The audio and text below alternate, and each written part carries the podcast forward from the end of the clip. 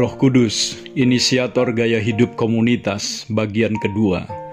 Kisah para Rasul 2 ayat 44 dan 45. Dan semua orang yang telah menjadi percaya tetap bersatu dan segala kepunyaan mereka adalah kepunyaan bersama.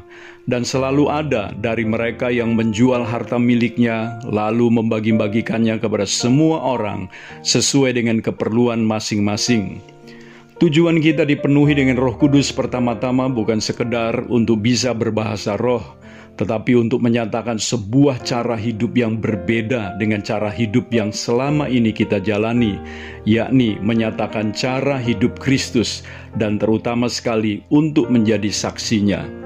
Dari ayat-ayat yang kita baca tadi, jemaat yang mula-mula hidup dalam kesatuan dan akibat dari kesatuan itu berimbas kepada pandangan mereka dalam hal kepemilikan. Mereka menganggap kepunyaan mereka adalah kepunyaan bersama. Saya percaya Roh Kudus telah mengerjakan hati jemaat yang pertama itu sedemikian rupa, sehingga sesuatu yang nyaris mustahil menjadi sesuatu yang mungkin terjadi. Kalau kita mengingat kisah pemuda kaya yang menolak perintah Tuhan Yesus untuk menjual seluruh hartanya dan membagikannya kepada orang miskin, maka apa yang terjadi pada gereja yang pertama ini sungguh bertolak belakang. Kita sangat paham bahwa musuh kita yang terbesar di dalam pengabdian kita kepada Tuhan bukanlah iblis, tetapi Mamon. Mamon adalah suatu spirit yang dapat memisahkan kita dari pengabdian yang sepenuh hati kepada Tuhan melalui daya pikat harta benda. Karena itu, tidak kebetulan bahwa perwujudan dari mereka yang penuh Roh Kudus adalah dibebaskan dari perbudakan akan uang. Kenyataan seperti ini sungguh sangat diperlukan oleh setiap orang percaya Terlebih di hari-hari terakhir ini, di mana manusia telah menjadi budak dari uang. Kita perlu selalu penuh Roh Kudus untuk terlepas dari perbudakan akan uang. Saya teringat akan perkataan seorang hamba Tuhan, Charles Swindoll, bahwa masalah orang miskin dan orang kaya ketika berhadapan dengan uang sama saja, yaitu keserakahan.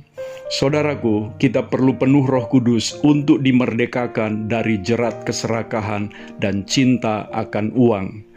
Tanpa kelepasan ini, pengabdian kita akan terjebak dalam dualisme yang tak pernah terselesaikan antara cinta kepada Tuhan dan manisnya godaan uang.